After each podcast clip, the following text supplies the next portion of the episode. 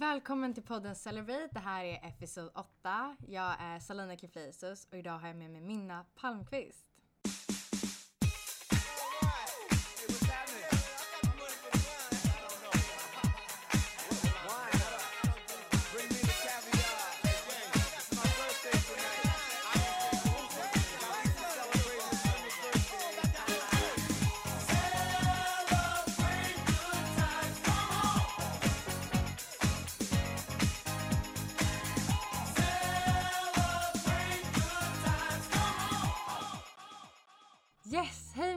Hur känns det att vara här? Hej, det känns jättebra. Ja, hur har din vecka varit? Den har varit bra. Jag har faktiskt varit i Paris på tygmässa. Det låter mer fancy än, än, det, än det var kanske, men det var kul. Ja. Hittade du, fick du inspiration eller någonting? Ja, men lite grann. Eh, cynisk som jag är så var min första tanke bara, men gud vad mycket skit det finns, tänkte jag. Men jag hittade några guldkorn, absolut. Mm. Är det något du kommer använda dig i framtiden? Mm, det tror jag. Härligt, härligt. Berätta lite om vem du är och vad du gör. Du bara berätta hela livet. Ja, exakt. Jag ska berätta hela mitt liv. Ehm, nej, men jag, jobbar, jag jobbar som kläddesigner och konstnär. Eh, folk brukar fråga vilket jag vill kalla mig, så det spelar ingen roll för mig. Utan jag jobbar med mode. Men mode mer som fenomen och ibland blir det eh, kollektioner, ibland blir det konstinstallationer eller något objekt. Så här. Jag jobbar liksom kring en tematik som handlar om hur vi ser på kvinnokroppen. Och jag får bilder i huvudet liksom av det bara. Intimacy Social, den, det är ju en kollektion som du höll på med, eller ett projekt som du gjorde Mm. när du gick på Konstfack. Mm. Eh, och kanske var liksom grunden till ganska mycket. Ja, det är verkligen grunden till allt eh, som jag fortfarande jobbar med. Jag har slutat så här, jag har liksom numrerat så här, intimately social nummer det och år det och du vet, det är bara jag som fattar det. Nu har det gått lite för lång tid och för många projekt så jag har släppt att liksom alltid ha det i titeln.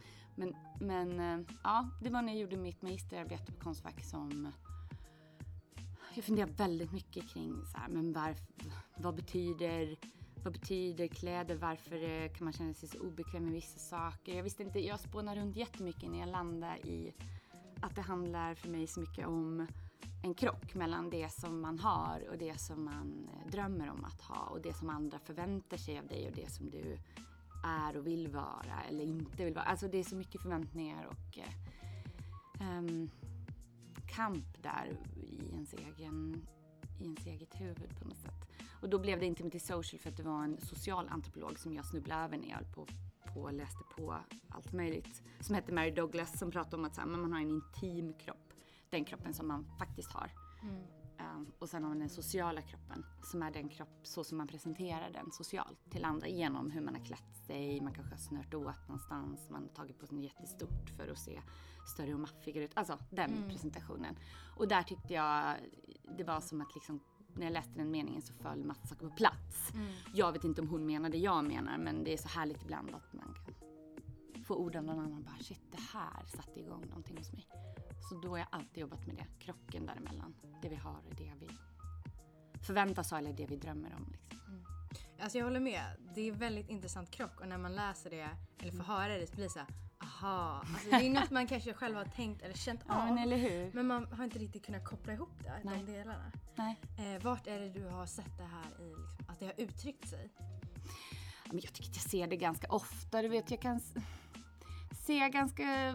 tycker att det är ganska vanligt att se... Um, särskilt alltså när man är ung tjej så känner man så himla mycket press på sig från alla håll. Det är liksom bilder i media hur man ska vara, hur man ska se ut. Det är en viss typ av kropp, eh, person som får synas och så är det ju någon slags, jag menar det är hormon, eh, allting bara pågår, det är kaos inombords liksom. Och då, då kan jag ofta se som jag tycker att det, att man ser liksom hur en tjej har så här klätt sig som nästan som en skyltdocka så här. Men man ser att det finns en obekvämhet i det. Att så här, jag vill gå fram och liksom bara ge en kram och säga, vet du vad, det, du behöver, det är inte det där du behöver. Så här, hur känns det liksom, hur skulle du egentligen, så här, vill du verkligen ha den här toppen? Och det handlar inte, för mig är det så här, klä, klä er hur ni vill. Min, för mig handlar det om att jag ibland kan se en så här sorglig Ja men att man liksom klätt sig för någon annan. Det tycker jag det handlar mycket om. Att se att så här, men nu har du nog klätt dig för någon annan. Du ser inte ut att må särskilt bra i de här kläderna. Och det är ju en sån krock där man liksom har pressat in sin, sin befintliga kropp i någon slags form som inte passar en. Men man tänker att det är det andra eller samhället eller så här, förväntar sig av en. Är det något som du har upplevt själv då också? Ja, alltså absolut. Jag menar, eh, jag kan ju vara ganska anonym i mitt eget sätt att arbeta för att jag, jag, alltså, jag är en så otroligt normativ person. Jag bara passerar. Jag gör ju verkligen det. Det är jag ju fullt medveten om. Mitt privilegium i hela den här. Men jag har ju ändå också upplevt det för jag har ju också växt upp som, som, eh, som tjej liksom. Eh, så för mig det handlar ju om, det handlar om en struktur. Det handlar liksom inte, men jag absolut. Och jag, jag kämpar också med de här problemen varje dag. Det är inte som att jag står över det för att jag har bestämt mig för att jobba med det. Mm. Så ibland är det ju fan som terapi. men eh, nej, men det handlar ju mer, det handlar ju om ett strukturellt problem. Mm. Och det du säger det att det är strukturellt, det visar ju på liksom hur komplext problemet Ja. är. Man måste jobba på från alla olika håll. Exakt. Och vad var det som fick dig liksom att känna att du vill göra det via den konstformen som du gör det idag? Jag vet inte riktigt hur det föll på plats. Jag hade en sån här dum, dum, dum, alltså jag avskyr att berätta det här men jag, det är viktigt att göra det. Nej, men det är jätteviktigt att göra det för att förstå så här, ehm, hur... Det handlar ju också om vad jag såg för förväntningar, vad jag trodde att andra förväntade sig och vad som var bra och vad som var dåligt när jag var yngre. Och det var att jag var alltid en väldigt kreativ person. Um, men, och jag började så här lite i högstadiet men hela gymnasiet så gjorde jag kläder åt mig själv och um, var väldigt insatt och skissa så här plagg och idéer och um, och många var så här, men ska inte du plugga mode? Jag bara, va? Nej, vadå? Det kan man väl inte ens göra? Jag, jag växte upp på Åland, så jag växte upp på liksom en liten... Alltså jag visste inte ens... För mig var det någonting... Det var en värld som... Jag förstod inte ens att man kunde jobba i den. Plus att jag hade den här idiotiska grejen att alla andra skulle ju gå till olika universitet och plugga något teoretiskt. Jag bara, men mode, gud vad korkat liksom. Då, då, det är ju bara jätteytligt och dumt. Så jag sköt bort den tanken. Ehm, sen så, så pluggade jag en termin genusvetenskap i Göteborg. Eh, för jag har alltid varit sjukt intresserad av den strukturen. Hur har vi byggt upp där? Varför är det så byggt kring... eh, ja, då var det väl mycket liksom den här, men hur är det upp kring varför har vi sådana förväntningar på män och sådana på kvinnor? Och idag kan jag ju, har det ju liksom gått vidare till, men varför har vi det överhuvudtaget uppdelat i två? Kön? Alltså hela den, då, då kände jag när jag gjorde det att så här, ja, jag är jätteintresserad av de här sakerna. Men det här är inte mitt sätt att lära mig saker. Det här är inte mitt sätt att jobba på. Så tog jag lite paus och sen så sökte jag in till en skola i Åbo i Finland som var en sån beklädnadsformgivningsskola. Kom in och eh, bara hade kul några år men också kände sen när jag började var det dags att gå ut att så här, ja, det här är min grej att uttrycka mig på. Det här är mitt sätt. Den här tredimensionaliteten, lägga det på kropp, bygga upp liksom en form. Ehm, det är liksom lite mer så min, min hjärna funkar. Mm. Och då, då kände jag så här, ah, men jag kanske, kan, jag kanske kan kombinera det, jag kanske kan göra båda med det. Och det tog ganska lång tid innan jag förstod hur det skulle kunna gå till. Och det var först på Konstfack, jag gick ju två år på Konstfack efter det då. Som jag insåg bara, men jag kan ju kombinera det här. Ehm, och det är det jag har gjort. Och det är det som känns, jag är inte alltid lika bra på att prata om det som att göra det. Men jag tycker att det finns en otrolig kvalitet i att ja, alltså, diskutera något genom form eller genom görande eller genom musik. Eller liksom, det behöver inte vara teoretiskt och behöver inte vara professor. Liksom. Nej. Nej absolut. Eh, jag tycker att må- mycket av dina projekt triggar igång sådana diskussioner. Ja, vad kul. Ehm, men när många av dina projekt är ju liksom lite ifrågasättande till de normer som redan existerar. Mm. Och det är ju inom modebranschen där dessa normer genomsyrar så otroligt tydligt. Mm. Hur är det då att komma in med en sån här sånt ifrågasättande attityd? Liksom? Jo men alltså det har ju varit, jag tycker att jag har fått jättemycket positiv respons. Eh, kanske mer, nej men jag tycker jag har fått, jag tänker så här, det är många som kommer och liksom så här, kanske direkt till mig och bara gud det är exakt det här jag har tänkt på men hur ska vi ta oss ur det och sådär. Folk som jobbar i branschen och så. Eh, men jag har fått jättemycket fina, det finns många som, har, som, liksom, som skriver om mode som har haft, eh, alltså det känns som det har startat diskussioner och eh, och att jag verkligen har fått en plats där. Ehm, men det är klart att det är konfliktfyllt för att jag, liksom, jag älskar ju jag älskar ju vad mode kan vara. Och många gånger är. Men verkligen den här ja, men formen, eh, direktheten. Mm, och liksom just hur många fortfarande tänker att mode är Många bara, jag bryr mig inte om det där. Nej, det, det är okej, okay. alltså, det förstår jag verkligen. Men oavsett så gör vi val varje dag med kläder. Mm. Um, och det säger ganska mycket, ganska direkt om en person. Sen kan man ju leka med det också. Man mm. luras mm. eller man liksom så här förvränger den man är eller man låtsas vara någon annan. Eller, och det är ju också skitspännande, det är ju teater alltihop på något mm. sätt. Um, ja, nu kanske jag tappar bort vad vi pratade om från början. Nej, Typiskt mig. men du känner liksom att du har fått en eh, Ja, men jag känner där. att jag har fått en plats. Uh, och sen är det beroende på kanske vilket projekt det handlar om. Ibland är det konstvärlden som mer ger uppskattning och ibland är det mer modevärlden. Men, men som sagt, det tycker jag bara känns väldigt spännande och kul och jag har svårt att säga, jag står ju liksom med en fot i båda. Och jag, jag älskar saker som är lite odefinierbara, alltså där jag, det är klart att jag kan säga jo men det här, är, det här är mer ett konstprojekt för det här kommer att ställas ut, det här blir en skulptural grej men för mig är det fortfarande har så mycket med modevärlden att göra mm. så att jag inte liksom sätter in det i sådana boxar. Nej. Vad har du fått för respons till de kvinnor och icke-binära som du har skapat kläder till? Jag har fått jättemycket Alltså det känns väldigt fint för att folk har ibland hört av sig och sagt så här, jag hatar mode eh, för jag känner mig aldrig hemma där eller jag tycker det är jobbigt, jag tycker inte om att shoppa, jag tycker så här. Men sen provade jag din, den här kappan och det var som att ta på sig typ en sköld av, alltså du vet, jag kan bli, men du vet det är lite så det är svårt att, du vet jante, man bara gud Men det är helt fantastiskt. Jag bara gud vad hände här? Mm. Och det kanske är att det har byggts in att den här personen vet vad processen bakom är, för den syns ju inte alltid. Det är klart mm. att det också är så här, ja ah, det här är en jacka. Mm. Och någon som kanske bara ser den jackan är så här, ja ah, schysst jacka. Och det funkar jättebra för mig. Jag släpper ju ingen Eh, uppsats med mina plagg. Liksom. Men vet man vad jag står för så kanske det bakas in. Och så jobbar jag ju mycket med sådana snitt som ska kunna försöka vara lite mer eh, tillåtande för olika typer av kroppar och sådär.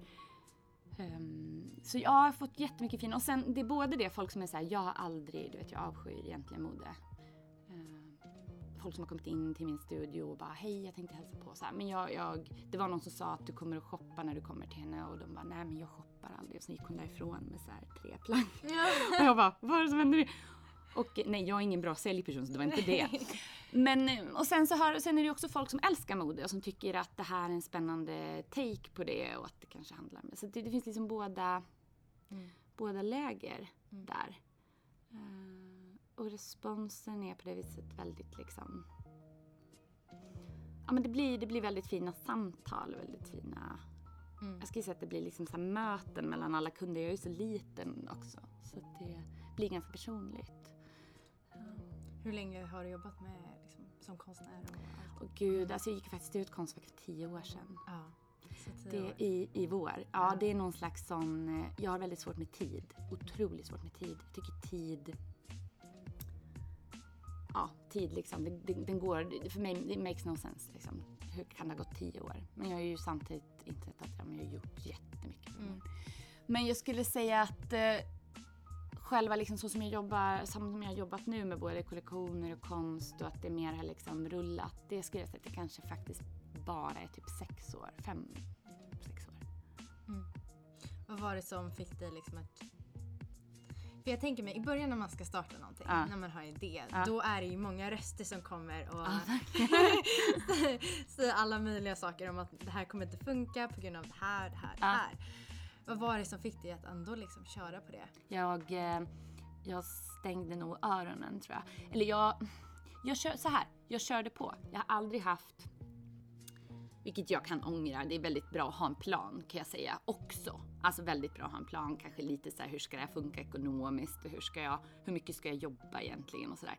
Men jag gjorde aldrig det utan jag bara körde på någon slags övertygelse och på att jag fick eh, bra respons på det första som ledde till det andra. Träffa någon som, alltså det har liksom bara rullat och rullat och rullat. så jag var kanske, min, min eh, bra grej var kanske att jag var tillräckligt bara dum att bara köra. Mm. Vilket eh, Ja, men det är ju många som sen liksom under resans gång har varit så ja fast du kanske ska tänka lite på det här. Och många gånger, det var liksom under en period när jag försökte etablera mig mer och visa mer kollektioner så var det så här jättemånga som bara, men vem är din, vem är din målgrupp, vem är din kund? Mm. Och jag fick så panik, jag bara, vadå min kund? Det är väl vem som, vem som helst. Fast samtidigt förstår jag att det inte är vem som helst. Nej. För mina plagg blir ju också att kosta liksom på grund av att det är så här små små upplagor och ganska mycket arbete bakom och sådär. Så nej, men på det viset är det ju inte det. Men, eh, men jag kunde liksom aldrig, jag hade inte den här, det är en, det är en kvinna, 20 till 40, som älskar att åka ut till landet. Men du vet, det finns mycket mm. sådana man ska ha. Jag bara, nej, jag har ingen aning.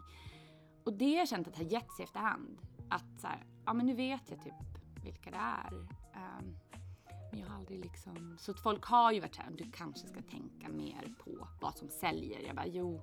Och där är jag nu, att jag fattar ju det. Eh, men nu känner jag ändå så att, ja, ja, det var kanske värt att det var ganska snurrigt och snårigt. För nu har jag ändå en jättebra bas att stå på mm. eh, ideologiskt. Och så får jag väl liksom, jag känner så här att, ja men det har gått tio år sedan jag gick ut, men jag testar fortfarande. Mm. Det är alltid så här trial and error för mig. Men jag tycker ändå det är skithärligt. alltså, för jag tror att många fastnar ju där att, att man skapar massa planer och strategier. Mm, så här mm, ska jag göra mm. och sen så, så händer det inte så mycket. Och jag tror som du säger att bara tar man det där första steget så rullar, rullar det mesta på. Och mm. man lär sig ganska mycket på, alltså, mm. under resans gång. Eh, vad känner du har varit liksom det svåraste när du har startat igång och hållit på? Ja men det svåraste är att balansera tid och pengar och det är det väl för alla. Jag menar jag skulle aldrig klarat det här om jag inte hade fått olika stipendier under vägens gång. Mm.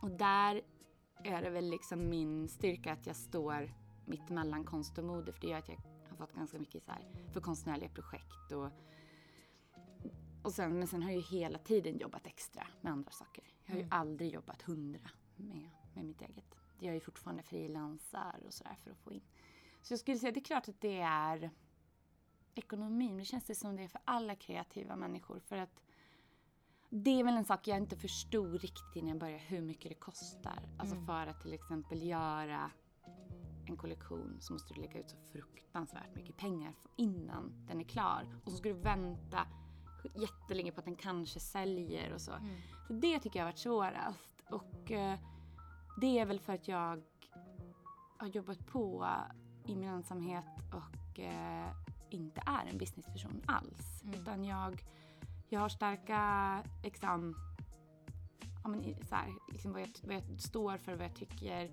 och en stark eh, estetik på något sätt. Men resten är, det sköter faktiskt inte helt sig själv. Det sköter sig själv till en viss gräns. Så jag är väldigt mycket inne i, jag har tagit det väldigt lugnt senaste året för att jag hade jobbat lite för hårt och sådär. Mm. Och så försöker jag också förvalta. Liksom, ja, men jag har det här, jag har gjort det här, men jag vill inte köra slut på mig. Och det är klart att jag vill att det ska bli en business som kan um, stödja sig själv. Liksom. Mm. Om det är liksom, hur gör man då ekonomiskt sett? Du sa att du hade sökt vissa stipendier. Mm. Finns, vet du några andra vägar man kan gå? Men det finns ju stipendier. Det finns ju eh, att, ja men det är klart att det finns om du startar företag, finns ju så uppstartsstöd. Det sökte aldrig jag. Mm. Jag vet inte hur jag tänkte där, men det var kanske för att jag behövde ha extra jobb hela tiden på sidan av. Och jag, det blev svårt för mig att veta skulle, vilket skulle löna sig mest och så bara mm. gick tiden och så blir det för sent liksom. Så det kan man ju absolut göra. Um, kan ju alltid fråga efter investorer. Och det där beror ju så himla mycket på, det går ju att träffa så rätt, men det går ju också att träffa fel på så sätt att jag har inte gjort det därför att jag har så himla mycket starka övertygelser om saker som jag vägrar rucka på. Mm. Uh, jag vägrar liksom göra jättebillig produktion med jättebilliga tyger för att kunna tjäna mer på mina plagg. Uh, för det handlar om någon annans arbete och någon annans liv. Liksom jag vägrar göra det. Och då är det lätt att man får en, en investerare som tycker att det man gör är bra men till slut tycker att det kommer inte in tillräckligt mycket pengar och så börjar det ruckas på de här. För då är det klart att om en person har gett dig en massa pengar och mm. är med i det här så får ju den personen en viss bestämmande rätt. Och därför har jag varit rädd för det. Um, ja, men det är klart det finns. Men jag tror det är bra kanske att försöka hitta en någon slags mentor också. Det mm. kanske inte handlar så mycket om ekonomi, men någon, det kan ju vara en person som um, kan ge tips liksom, från, sin, från sin resa och sådär. Mm. Det tror jag är bra. Jag tror också det kan vara skönt eftersom att men det här med värderingar och ja. en, en stadig grund, alltså det kan ju vara så lätt att ruckas på mm. om man får så mycket eh, åsikter från andra mm. håll. Och har man då en mentor så kan, så kan man ju söka sig till den. Precis, och då kan man diskutera de sakerna. För ibland har jag också känt så här, ja men ibland finns det saker jag kanske borde ha ruckat på för jag kanske har lagt Ja, men det går inte heller så här. Det går inte heller att göra allt på en gång. Det har jag också lärt mig. Jag kommer ihåg när jag var så pass att jag bara, jag ska aldrig börja producera något förrän alla mina grejer, alltså jag ska bara ha så här, um, sustainable materials, vilket ju kan vara ekologiskt eller re, så här, recycled, upcycled, allt möjligt. Mm. Då satt jag ju där och till slut bara, men det går, jag kan inte det på den nivån. Jag hade inte tillräckligt mycket pengar, jag hade inte tillräckligt med kontakter. Så då började jag jobba, jag tror man får också vara lite snäll mot sig själv. Och börja jobba och alltid tänka så här, jag ska göra det bästa jag kan med det jag har. Mm. Och nästa gång kanske du kan så här, lägga till en grej, lägga till en grej. Um, och bli bättre och bättre och vara öppen med det. Att inte inte skämmas för det eller liksom inte, utan också kunna vara så här om jag har gjort något och någon säger men gud du har jobbat med de där, visste du att, och så mm. kommer någon horribel historia. Ja men då visste jag ju troligen inte det och då får jag ju säga gud jag hade ingen aning, det var dålig research av mig, shit så mm. Man får ju bara, för jag, jag, jag, ett tag var jag för rädd för att göra fel, för mm. att överhuvudtaget göra någonting. Och det, det måste man släppa faktiskt. Mm. Eh, till en viss, liksom. Mm vara lite snäll mot sig själv. Och se att liksom det kan utvecklas och Ja, senare. alltid. Och det gör det ju. Mm. För det, det, blir ju alltid, du får mer kontakter, du får mer, och det kommer mer och mer av den typen av produktion. Uh, den växer ju förstås, vilket den måste göra eftersom modetextilbranschen är så uh, miljömässigt rutten. Liksom, så måste ju det förändras. Så det, det är ju liksom också att så här, vad finns att tillgå? Man får inte vara för hård för sig själv, mot sig själv där heller. Mm. En person, man kan inte göra allt på en gång. Du har nämnt lite om tid. Ja. Eh, vad, hur ser liksom din relation till tid ut? Uff, den, är väldigt, den är väldigt komplicerad och ganska ångestfylld faktiskt. För att jag tycker inte att jag har någon koll på tid. Jag kan säga så här, ja ah, men vi fick ett förstahandskontrakt för två år sedan och så säger min sambo, han bara, nej men det var ju fyra år sedan. Jag bara, jaha. Så här, jag har liksom ingen, det flyter. Mm. Och, ja, och det, kan ju, det har ju nog säkert jättemycket att göra med att jag har jobbat väldigt, väldigt, väldigt mycket. Eh, jag har inte haft helger, jag har inte haft semester.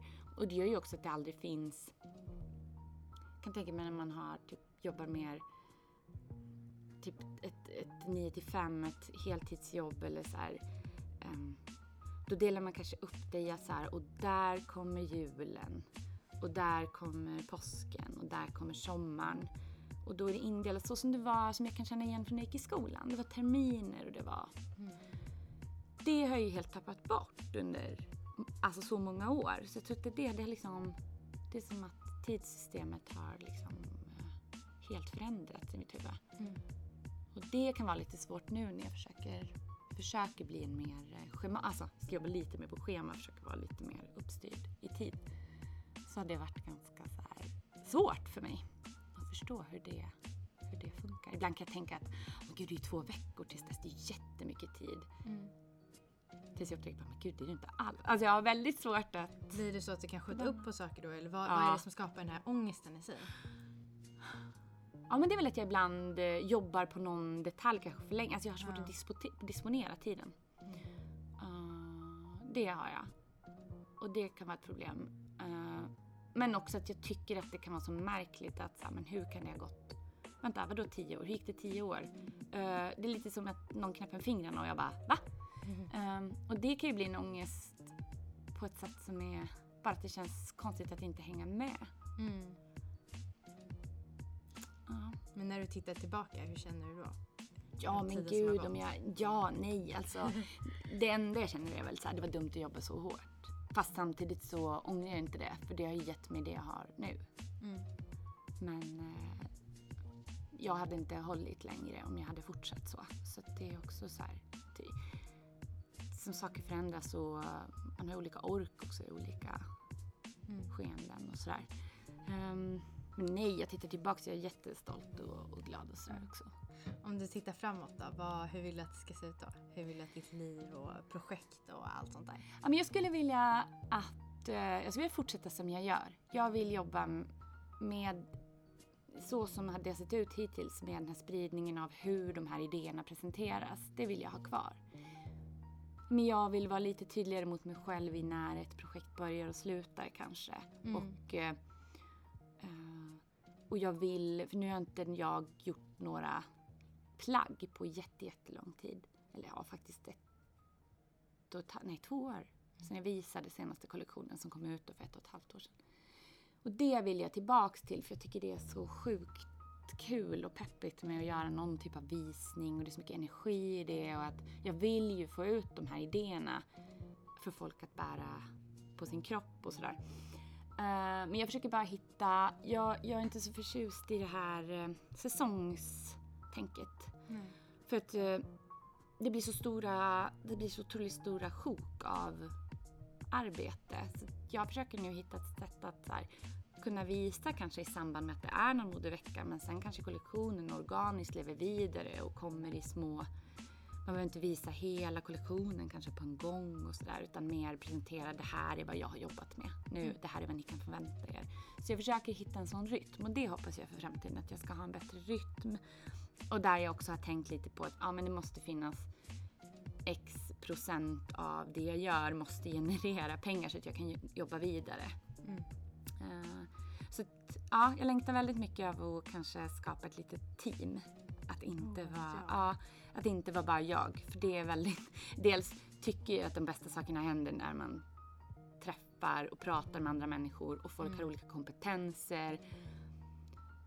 Eh, då, då händer ju någonting helt annat. Eh, att kanske se mig mer som någon slags, gud vad ska man kalla det, creative director Ja. och designer. Men att kunna släppa vissa saker till andra människor och kunna jobba ihop dem och sådär. Så mer teamwork, mer samarbete och eh, så. Det, det är vad jag vill för Mm. framtiden. Men eh, vad är det som har gjort att du inte liksom kunnat hitta det här teamet än? Är det, Ja men det är för att jag inte kan, ju- Ja. ja, det är för att jag inte kan betala lön till mig Ja, själv. Det är ganska ja. svårt att bara hej, har du lust att jobba med mig gratis i några år så får vi se om det blir någon lön sen. Jag kan ju göra det för att det är min idé. Alltså, Ja. jag har ju skapat det här för mig själv och jag har gjort det på ett sätt som gör att jag får jobba in pengar på andra sätt. Sen kommer det förstås in en viss mängd kommer ju in via saker jag säljer och så här, men det täcker ju inte. Och det är ju det som är svårt. Så, här. så nu jobbar jag faktiskt lite på, lite försöka tänka lite mer, men hur kunde det gå till? För det är klart att det skulle kunna gå. Mm. Man får ju gå vägar som investering eller lån eller så här. Så shoutout till någon som vill hjälpa mig med det här. Ehm, ja, för det har aldrig varit min grej och Mm. eh, nu känner jag så här, men det är klart jag vill. Det, det kommer att falla på det annars. Ja. Ja. Det ska, kanske skulle vara, kunna vara så att du, om du får någon i ditt team som är lite mer business-delen. Ja, absolut. För det är så är det för Mm. alla. Så är det för alla som har faktiskt liksom växt från att vara en kreativ designer till att bli en business. Det handlar ju om det. Det är klart att det gör. Mm. Det, jag har varit så inne i att bara ha tusen projekt hela tiden att nu har jag lite mer, nu har jag liksom tagit mig lite mer tid att stanna upp och försöka planera lite mer för framtiden. Vilket ibland känns så sjukt tråkigt för jag längtar så mycket efter att göra. Mm. Men jag förstår också att jag måste lägga en ny grund att stå på. Jag har en grund att stå på vilket är ja, men hela mitt arkiv och allt det jag har gjort, alla jag har träffat, alla diskussioner, så här, allt det. Eh, men jag behöver liksom en så här, okej, men jag vill ju faktiskt göra det här och jag vill göra det så att jag kan leva på det. That's it. Ingen, ingen liksom Inget imperium, ingen rikedom på det viset utan tänk om jag kunde leva på det och kunde betala ut lön till några personer. Vilken magi! Mm. Vad, vad väntar härnäst? Nu, eh, det är ett projekt jag har jobbat på väldigt lång tid så det jag också har, under den här pausen så har det legat och puttrat och det är att jag håller på med ett projekt där jag, jag har gjort en, eh, jag har gjort fem provdockor, ni vet de här, eller man kallar dem ibland skräddarbyster som eh, man har i en sy, sömnadsateljé eller så här, som är själva kroppen att prova plaggen på eller drapera fram formerna på eller så här. Där har jag gjort fem former som ser helt annorlunda ut från de vi är vana att se. Och det är att jag har, jag har liksom skapat fem gestaltningar av fem problem som jag tycker att vi har med hur vi ser på kroppen. Um, så jag har inte skapat liksom fem befintliga andra typer av kroppar. För jag menar det finns en miljard befintliga kroppar så jag kan inte riktigt, för mig är det, handlar det mer om diskussionen och sådär. Så nu uh, håller jag på att jobba på en kollektion som tar avstamp i det. I de formerna och i det sättet att tänka. Och, så det är väldigt, det, det är en väldigt kreativ men väldigt långsam process. För jag, jag vill att den ska få ta tid för jag känner att det är svårt. Det är som att jag ibland känner att det är klart att det hade varit lättare att bara göra som man alltid har gjort. Och vissa dagar när jag är jättetrött så känner jag bara, nej men alltså, jag struntar i det här. Jag gör en topp i, i storlek small som, ja men ja. så. Alltså jag vill ju inte det utan det är mer den här, det är klart att det är lätt, det är klart att det är skönare och mm. mer vilsamt. Eh, och med det här projektet så känner jag att jag har stött på väldigt många sådana. Jag har bara tänkt en sak, jag bara, då borde det gå att göra så här och så bara dunk. Nej, det gick inte. Så, men det har ju lärt mig så mycket av och jag känner att det är värt, det är nog värt det. Och de idéer jag har för slutresultat känns som att om, det, om jag får igenom det så kommer det vara så värt det. Mm. Vad är de största lärdomarna som du tar med dig? Du kan ta en om du... om du ja, men, eh, att det är svårare än jag vill att erkänna att att släppa taget om vissa inlärda, ja men till exempel sätt att skapa mönster på. Mm. Att jag märker att jag ibland gör en sak svårare än vad den är för att jag hela tiden ställer den mot det sättet jag har varit van eller har lärt mig att göra det på. Mm.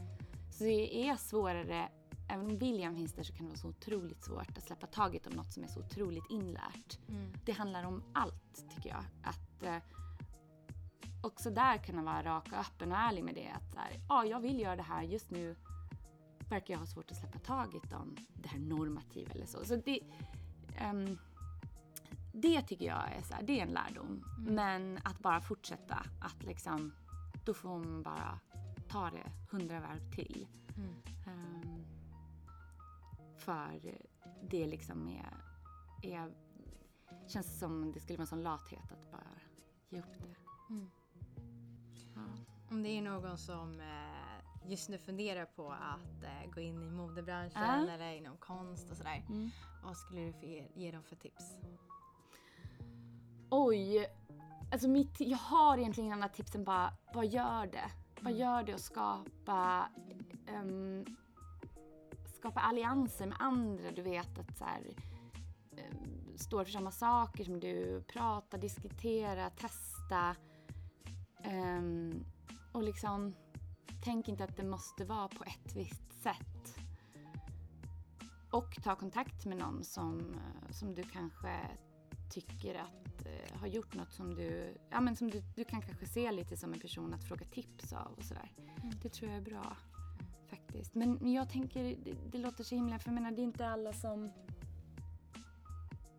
det är också så här, eh, det är ju en, det är en tuff ekonomisk bransch att ge sig in i så det handlar ju om att man ska känna att man har ett ganska tryggt skyddsnät runt sig tror jag. Mm. Jag hoppas att det där på något sätt kan um, luckras upp lite, att det inte blir så uppdelat i, i um, klass och liksom, uppväxtort och hela så bakgrunden. Liksom. Mm. Men det är klart att det är ju, det är ju så. Um, men, men bara så här, man behöver inte vara, man behöver inte vara rik men, man, man, det, kom, det blir, det är klart att det det hjälper liksom att man har, att man har kanske så familjer, att man har stöd skulle jag mm. säga mest. Folk som inte tycker att man är helt Nej. galen. Liksom. Men mest är mitt tips bara kör. Mm. Gör det. Vill du det, testa. Allt går också alltid att... Uh, inget man bestämmer sig för är heller för alltid kanske. Nej. Vart kan man hitta dig? Man hittar mig på nätet på minapalmqvist.com. Och där kan man se alla mina projekt. Man kan gå in i min webbshop som just nu är ganska eh, tom. Men jag har mina t-shirts som jag gjorde där för ett, ja, förra året. Förra mm. våren. Går att köpa där nu. Sådär. Mm. Någonting på sociala medier? Ja, Instagram, Mina Palmqvist. Simple as that, alltid i ett ord. Mm. Och på Facebook har jag också en sida, Mina Palmqvist. Så det finns, eh, den heter Mina Palmqvist, jag heter med mitt mellannamn för att det ska skiljas åt. vad som är privat och vad som är business. Ja. Men där hittar man mig. Vad kul! Tack för att du har varit här. Det var superintressant att få höra mer om Tack. dig och din kollektion och dina projekt och allt. Tack, det var jättekul. Jätteglad att jag fick komma.